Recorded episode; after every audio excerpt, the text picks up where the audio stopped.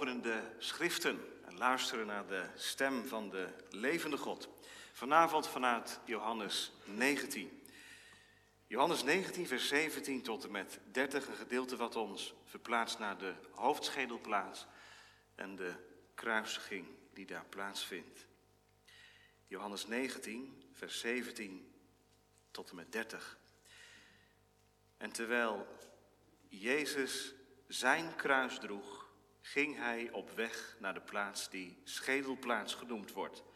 En in het Hebreeuws Golgotha. Daar kruisigden zij hem en met hem twee anderen, aan elke kant één. En Jezus in het midden. En Pilatus schreef ook een opschrift en zette dat op het kruis. En er was geschreven, Jezus de Nazarener, de koning van de Joden. Dit opschrift dan lazen velen van de Joden. Want de plaats waar Jezus gekruisigd werd was dicht bij de stad. En het was geschreven in het Hebreeuws, in het Grieks en in het Latijn. De overpriesters van de Joden dan zeiden tegen Pilatus: Schrijf niet de koning van de Joden, maar dat hij gezegd heeft: Ik ben de koning van de Joden. Pilatus antwoordde: Wat ik geschreven heb, heb ik geschreven. Nadat de soldaten dan Jezus gekruisigd hadden, namen zij zijn kleren en maakten vier delen, voor elke soldaat een deel. En ze namen ook het onderkleed. Het onderkleed nu was zonder naad, van bovenaf als één geheel geweven. Ze zeiden dan tegen elkaar, laten wij dat niet scheuren, maar laten wij erom loten voor wie het zal zijn. Opdat het schriftwoord vervuld zou worden dat zegt, zij hebben mijn kleren onder elkaar verdeeld en over mijn kleed hebben zij het lot geworpen. Dit hebben dan de soldaten gedaan. Bij het kruis van Jezus stonden zijn moeder, de zuster van zijn moeder en Maria, de vrouw van Klopas en Maria Magdalena.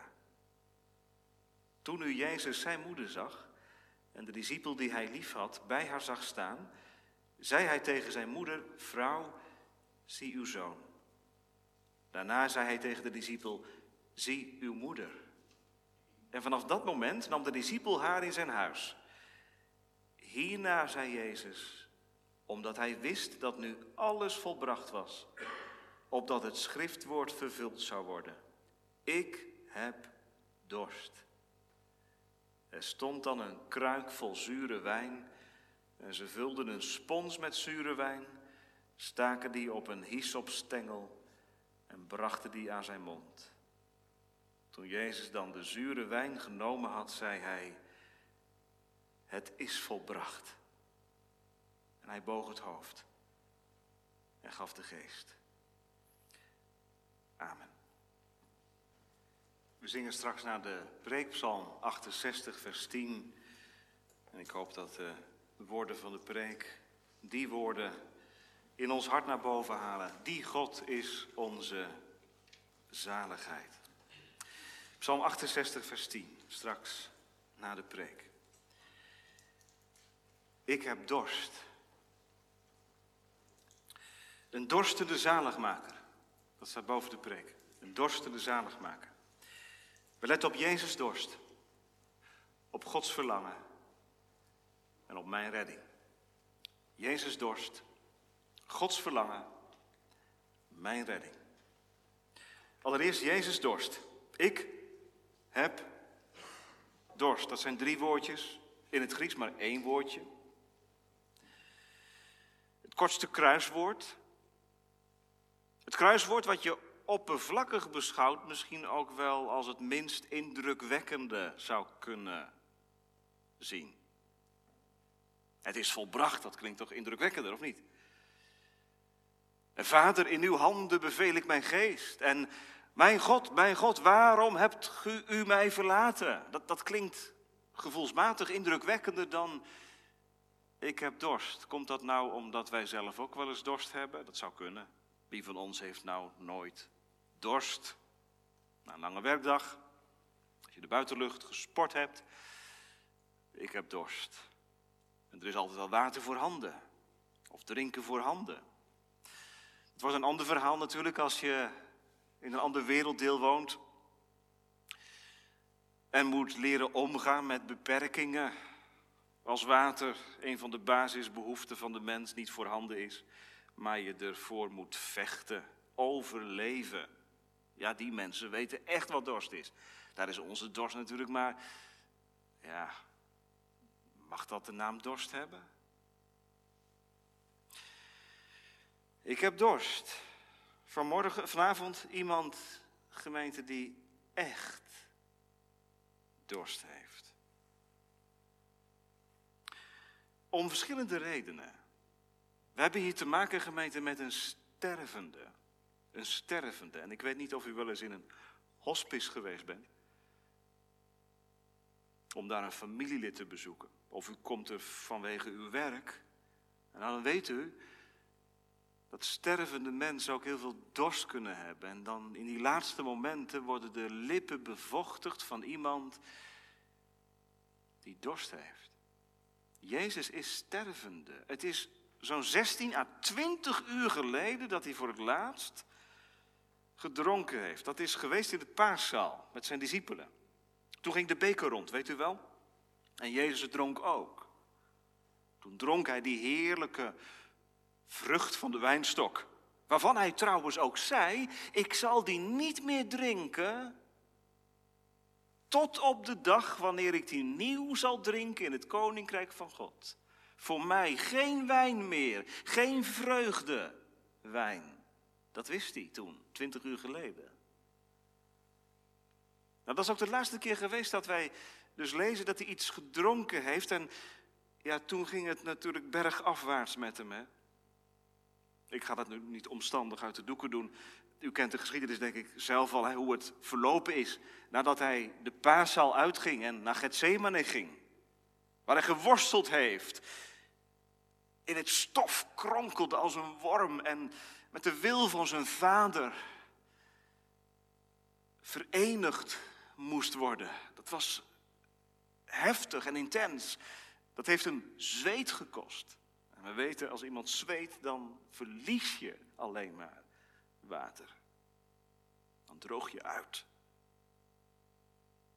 Nou, jonge mensen, dat het niet even een paar zweetdruppeltjes hoor, zoals wij dat wel eens hebben na een rondje hardlopen. Jezus heeft gezweet, onmenselijk gezweet. Druppels bloed verschenen op zijn voorhoofd. En dat is nog maar het begin geweest. Hij is verraden door Judas. Hij is meegevoerd.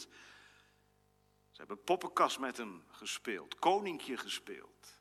Ze hebben hem bespuwd, gescholden, geduwd, getrokken, afgeranseld. In al die uren is het lijden opgehoopt. Als een grote vloedgolf is het over hem heen gekomen. En dat was nog maar het begin. Want de schriftlezing die we vanavond gelezen hebben, die laat zien wat die laatste uren pas echt betekend hebben. Hij droeg zijn kruis, lezen wij in vers 17. Zo is hij naar de schedelplaats geleid. En daar die laatste uren van die martelgang die Jezus doormaakt, die zijn ook de meest intense geweest. Het is opvallend hè, dat Jezus die uitgedroogd de heuvel Golgotha bereikt, dat hij niet wil drinken als hij kan drinken. Dat lezen wij niet in Johannes, maar dat lezen we wel in andere evangeliën. Um, iemand die aan het kruis genageld werd, een, crimineel, die kreeg altijd een, een, drankje. Een verdovingsdrankje, bedwelmende wijn, een mengsel. Om je in een soort trance, een soort roes te brengen, waardoor ja, je het langer vol kon houden. En de soldaten dus ook veel meer plezier hadden. Want dan was het niet meteen afgelopen met zo'n persoon. Dus dan kon je nog even langer doorgaan met, met lijden veroorzaken. Jezus weigert het. Voor hem niet die bedwelmende drank. Terwijl hij dorst had, drinkt hij niet. Hij gaat uitgedroogd aan het kruis hangen. Afgebeuld. Moe gestreden. En dat is nog niet eens, gemeente, het diepste van de dorst van Jezus. Want stel jezelf vanavond de vraag is, wanneer heeft Jezus gezegd, ik heb dorst? Op welk moment? Nou, Johannes zegt dat als enige evangelist heel uitdrukkelijk. Kijk maar mee in, in, in je Bijbel. Vers 28. Hierna, hierna, zei Jezus. En dan komt het, omdat hij wist dat nu alles volbracht was. Opdat het schriftwoord vervuld zou worden. Een hele lange inleiding om die drie woordjes, ik heb dorst, ons te tekenen. Het zit erop, gemeente. Wat zit erop? Het werk van de Vader. Het is klaar. Het kruiswoord ik heb dorst, het vijfde, volgt op het vierde. Mijn God, mijn God, waarom hebt u mij verlaten? Jezus is in de Godverlatenheid geweest. En als ik zo'n woord uitspreek, dan weet ik eigenlijk niet hoe ik daar woorden aan moet geven. Ik heb het wel geprobeerd in de voorbereiding. Maar ik loop er gewoon op stuk. Ik weet niet wat dat is. Van God verlaten te zijn. Ik kan het wel bij benadering tekenen. Het heeft alles te maken met wat we in de voorbereidingsspreek hoorden afgelopen zondagmiddag. Dat de Heer Jezus de drinkbeker van Gods toorn aan zijn lippen zette en dat hij die leeg wilde drinken. Zal ik die niet drinken? En onderin die drinkbeker zit ook het lijden aan het verlaten worden door vader. God van God ontdaan. En wat is daar nou de uiterste consequentie van? Dat als je van God verlaten bent, wat is dan de uiterste consequentie? Nou, wij weten uit de Bijbel wat dat inhoudt. Als wij Lucas 16 openen en de gelijkenis van de rijke man en de arme Lazarus, of beter de arme man en de rijke Lazarus. Als we die gelijkenis lezen, dan weten we hè, dat die rijke man, die naamloze man, in de hel zijn ogen opslaat en dat hij ook iets zegt. Wat zegt hij dan? Ik heb dorst. Ik leid smarten. Al zou ik maar één druppeltje water hebben, dat zou voor mij een weldaad zijn in deze vreselijke plaats van wroeging. Mag ik alsjeblieft één druppeltje water om mijn tong te verkoelen? En er is geen druppel water. Dat is de hel. Ik denk niet dat je dat heel letterlijk zo hoeft te nemen. Jezus heeft heel veel beelden gebruikt voor de hel. Niet om de, het bestaan van de hel te betwisten, zoals theologen wel zeggen. Hè? Kijk, Jezus sprak in beelden, dus het is niet echt en zo. Nee, ik geloof dat hij die beelden gebruikt heeft. Juist om des te meer te benadrukken hoe heftig en hoe ernstig die realiteit is. Woorden schieten tekort. En daarom gebruikt Heer Jezus beelden. Het beeld van vlam en van de knessing van tanden en van de dorst dus ook. De hel is de plaats, gemeente, waar, waar je verkoeling wilt hebben en die niet vindt. En Jezus heeft dat ondergaan. Luther zegt, hij is er letterlijk geweest, Calvijn. Dat is even zijn spoortje, maar die zegt, Jezus heeft op Golgotha de Godverlatenheid, de helse verlatenheid ervaren. Maar de realiteit van het van God verlaten zijn, en dat is toch de hel, dat heeft Jezus ondergaan. Het avondmaalsformulier zegt daarom ook dat hij de allerdiepste versmaadheid van de hel wilde ondergaan. Eigenlijk is dat het dieptepunt. Hè? Op beleidingscategorisatie leg ik ook altijd uit hè, dat de Heer Jezus eh, de, trappen van de vernedering, trappen van de verhoging, misschien komt dat nogal bekend voor bij sommigen. Jezus is de trap van de vernedering gegaan en die allerdiepste, allerlaagste trap is dat hij van God verlaten is.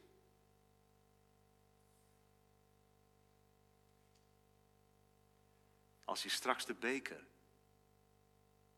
of het bekertje aangereikt krijgt, mag je dat bedenken. Ik geloof dat dat ook hoort bij het groeien in de genade en de kennis van de Heer Jezus Christus. Als je nu voor de zoveelste keer aan het avondmaal mag gaan, dat je daar ook meer oog voor krijgt. Hoe ver het strekt, het verzoeningswerk van Christus. Dat hij niet alleen aan het kruis gestorven is, maar dat hij ook de hel, de Godverlatenheid voor mij heeft ondergaan.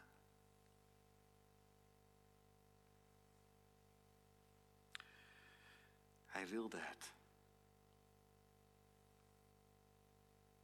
En daarom roept hij, of zegt hij, ik heb zo'n dorst. Het is dus niet alleen maar lichamelijke dorst, omdat iemand na twintig uur compleet op is en geen vocht meer in zijn lichaam heeft en helemaal afgesloopt is.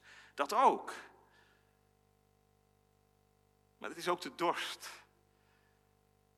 naar zijn God. Mijn ziel dorst naar de Heer. Ach, vader, waar bent u?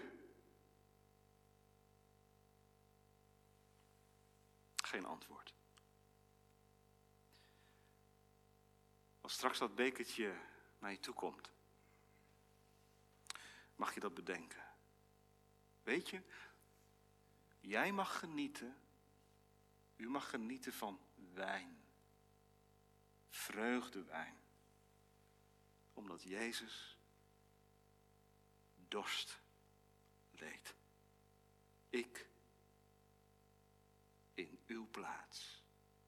Ik de helse verlatenheid, opdat ik niet hulploos zou sterven, maar uw heerlijkheid zou erven. Nou, daar krijg je straks een voorproefje van. Door het geloof proef je dat al, nu al, in deze realiteit, in deze gebroken werkelijkheid. Een voorproefje, een voorsmaak van wat dat is. Jezus dorst. Tweede, Gods verlangen. U zegt, maar we kijken toch naar Jezus vanavond. Het gaat toch om Jezus? Ja, maar kun je Jezus losmaken van, van wie God is? Jezaja kon dat niet. In hoofdstuk 53. Weet je wat hij zei? Eeuwen voor Johannes 19. Het behaagde de Heere hem te verbrijzelen. Hij heeft hem ziek gemaakt. De vader verbrijzelde zijn zoon. De vader liet zijn zoon dorst lijden. En dat behaagde de vader. Dat, dat, is een woord waar veel mensen tegenaan lopen. Hoe kan dat nou? Dat een vader zo omgaat met zijn zoon. Er zijn zelfs uitleggers geweest die gezegd hebben: God is een sadist. Dus kijk, een, tiran, een, een, vader die zo zijn zoon behandelt, dat, dat is toch onmenselijk? Het behaagde de Heer hem te verbrijzelen. Het woordje behagen kan ons op een verkeerd been zetten. Alsof iemand er handen wrijvend bij staat te kijken hoe een ander kapot gemaakt wordt. Nou, dat gebeurt wel in deze wereld, hè? Dat gebeurt in deze vreselijke eh, werkelijkheid. Dat mensen ervan genieten als anderen kapot gemaakt worden. Letterlijk kapot gemaakt worden. Nou, gemeente, zo'n God is niet de God van de Bijbel. God is geen tiran. God is geen God die er plezier in heeft om zijn zoon te laten leiden. Waarom dan toch dat woord, het behaagde? Nou, dat is dat bijbelse diepe woord welbehagen. En ik vertaal het vanavond maar met verlangen. Gods verlangen. Welk verlangen? God verlangt door de dood van zijn zoon de redding van zondaren. God verlangt door het sterven van Jezus, het leven van u en mij. Gods verlangen. En kijk eens naar de Heer Jezus. Luister nog eens naar die woorden. Ik heb dorst. Hoor je dan niet het verlangen van God daarin doorklinken? Wat is dorst? Dorst is toch dat je verlangt?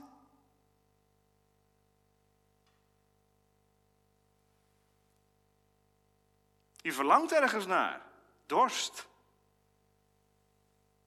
Nou, waar dorstte Jezus naar? Johannes 4.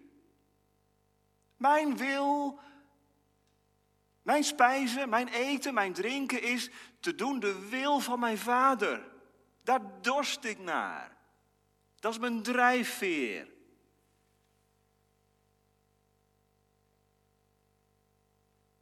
Mijn verlangen is de beker leeg te drinken. Mijn verlangen is om de gegevenen van de Vader te bewaren in deze wereld. Dus je mag in dit, in dit woord ook iets van verlangen lezen. Ik heb dorst. Hier is de zaligmaker die met wijd uitgebreide armen, stervend, zijn verlangen, Gods verlangen, uitzegt.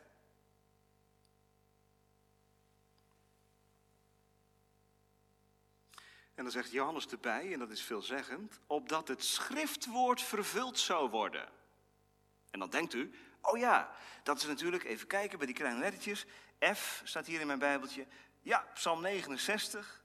En je zou Psalm 22 nog erbij kunnen halen natuurlijk. Dat zijn natuurlijk die twee, twee woordjes, die twee teksten uit Psalm 22 en Psalm 69. Nou, dat klopt. Daar staat het, hè? De psalmen van David. David die ook dorst leed. Maar je mag dan nog veel breder trekken. Het schriftwoord, daar klinkt de hele schrift in mee. Daar klinkt het Oude Testament in mee. Daar resoneert het complete Oude Verbond in mee. U zegt, wat bedoelt u dan precies? Nou,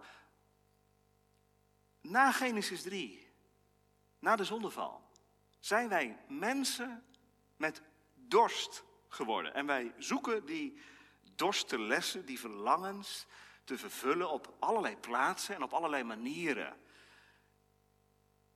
Dat begint al met Adam en Eva en dat gaat door. Wij verlangen. Ontembare dorst hebben wij.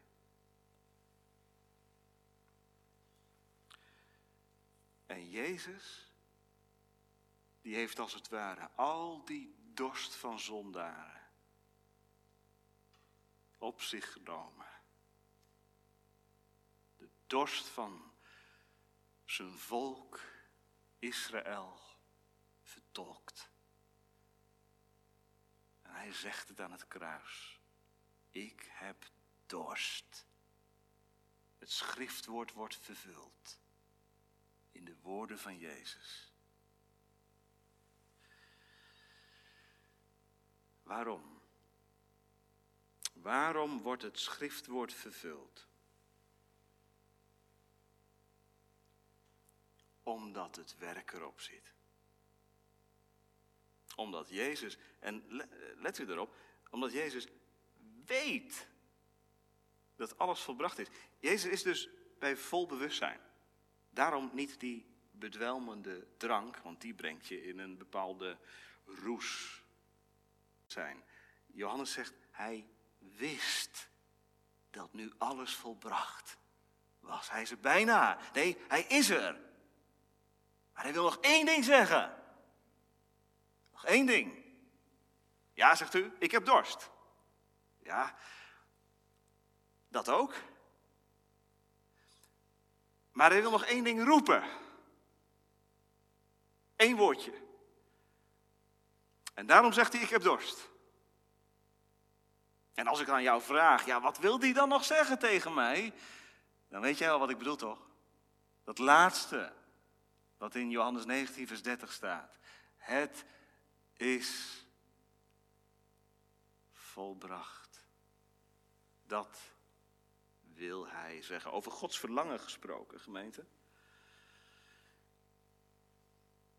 Dit is Gods verlangen. Hier hangt de zoon. Ziet u hem hangen? Ziet u hem hangen? Ziet u het kruis achter mij? Jezus hangt aan het kruis. Ik heb dorst. Zijn leven gaat niet als een nachtkaarsje uit. Het is voorbij. Nee, hij zegt nog één keer: Ik heb dorst. En dan, ja, dan is er iemand die dat hoort, soldaat of zo, er stond dan een kruik vol zure wijn, vers 29. Ze vulden een spons met zure wijn, staken die op een hietsopstengel en brachten die aan zijn mond. Zo ging dat. Een lange staak, spons, dopen in een vat met zure wijn. En dan naar de lippen van de stervende toe en daarmee de lippen bevochtigen. Zure wijn. Nou, alleen als je het leest, dan weet je al, dat is niet lekker. Zure wijn. Dat is op dit moment een gunstbewijs. Wat krijgt hij dan vooruit? Zure wijn. Wat zit er straks in die bekertjes, gemeente? Geen zure wijn hoor.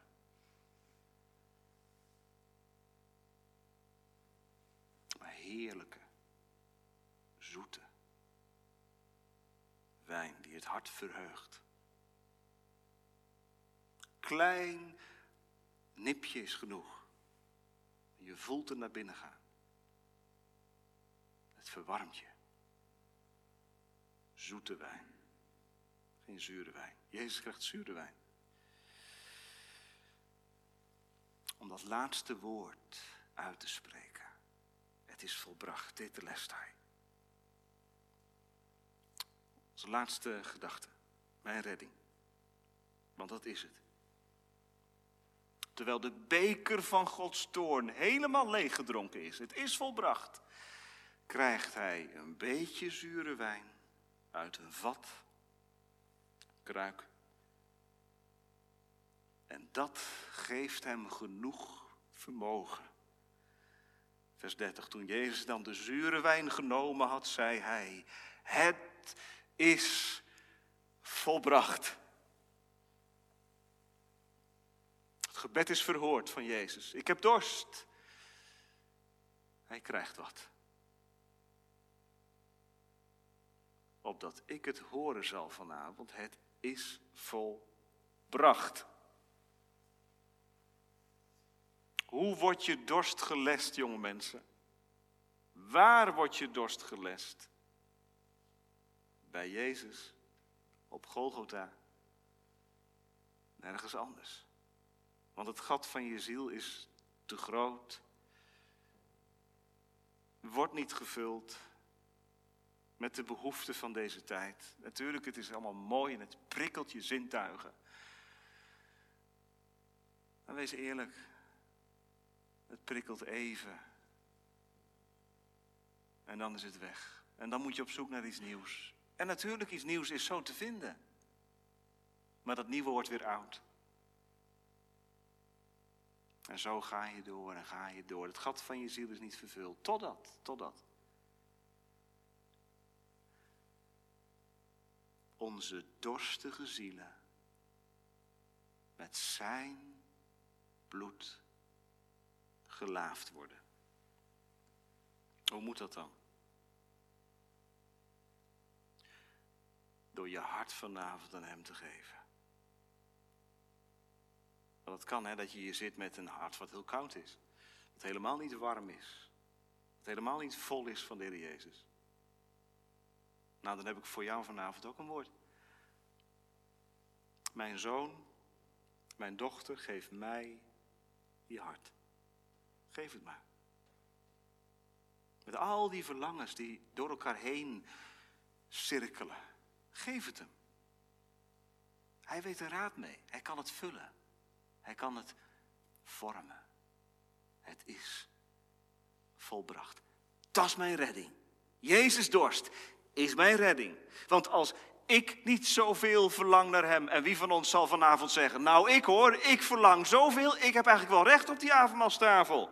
Ik ben blij dat ik er ben, die beker is voor mij, dat brood is voor mij, want mijn verlangens, die zijn zo geconcentreerd en zo geestelijk. Moeten we niet allemaal zeggen vanavond? Dat we er zo tekort in schieten. En dat we moeten leven van het verlangen van de Heer Jezus. Dat is mijn redding. Zijn dorst, zijn verlangen. En dan is het ook niet te vergeefs. Als iemand dorst heeft, die komen tot mij en die drinken, drinken. Voor hem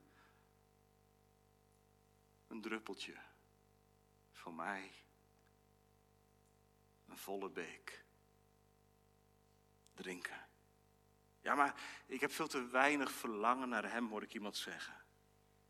Ja, dat is ook zo. Zeg dat maar eerlijk tegen hem vanavond. Veel te weinig verlangen. Zeg het maar. Voordat u het gezegd hebt,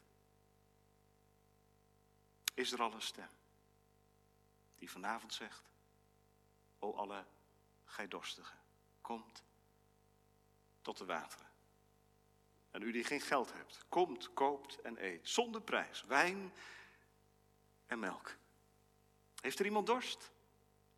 Hier is water. Wat moet je meebrengen om aan het avondmaal te komen? Dorst.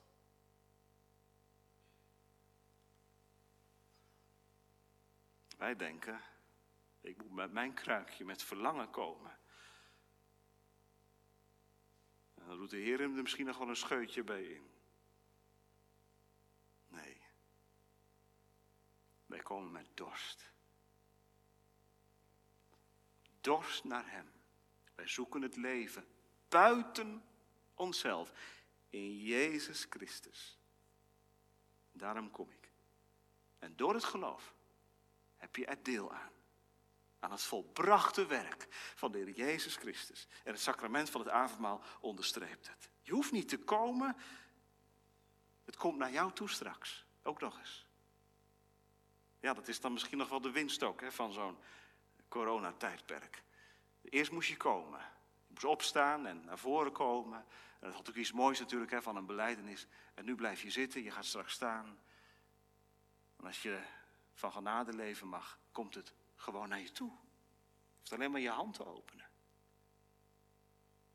Het is volbracht. Peter zegt nou zelf. Als je nou helemaal geen dorst had, dan zou je het hier toch van krijgen. Amen.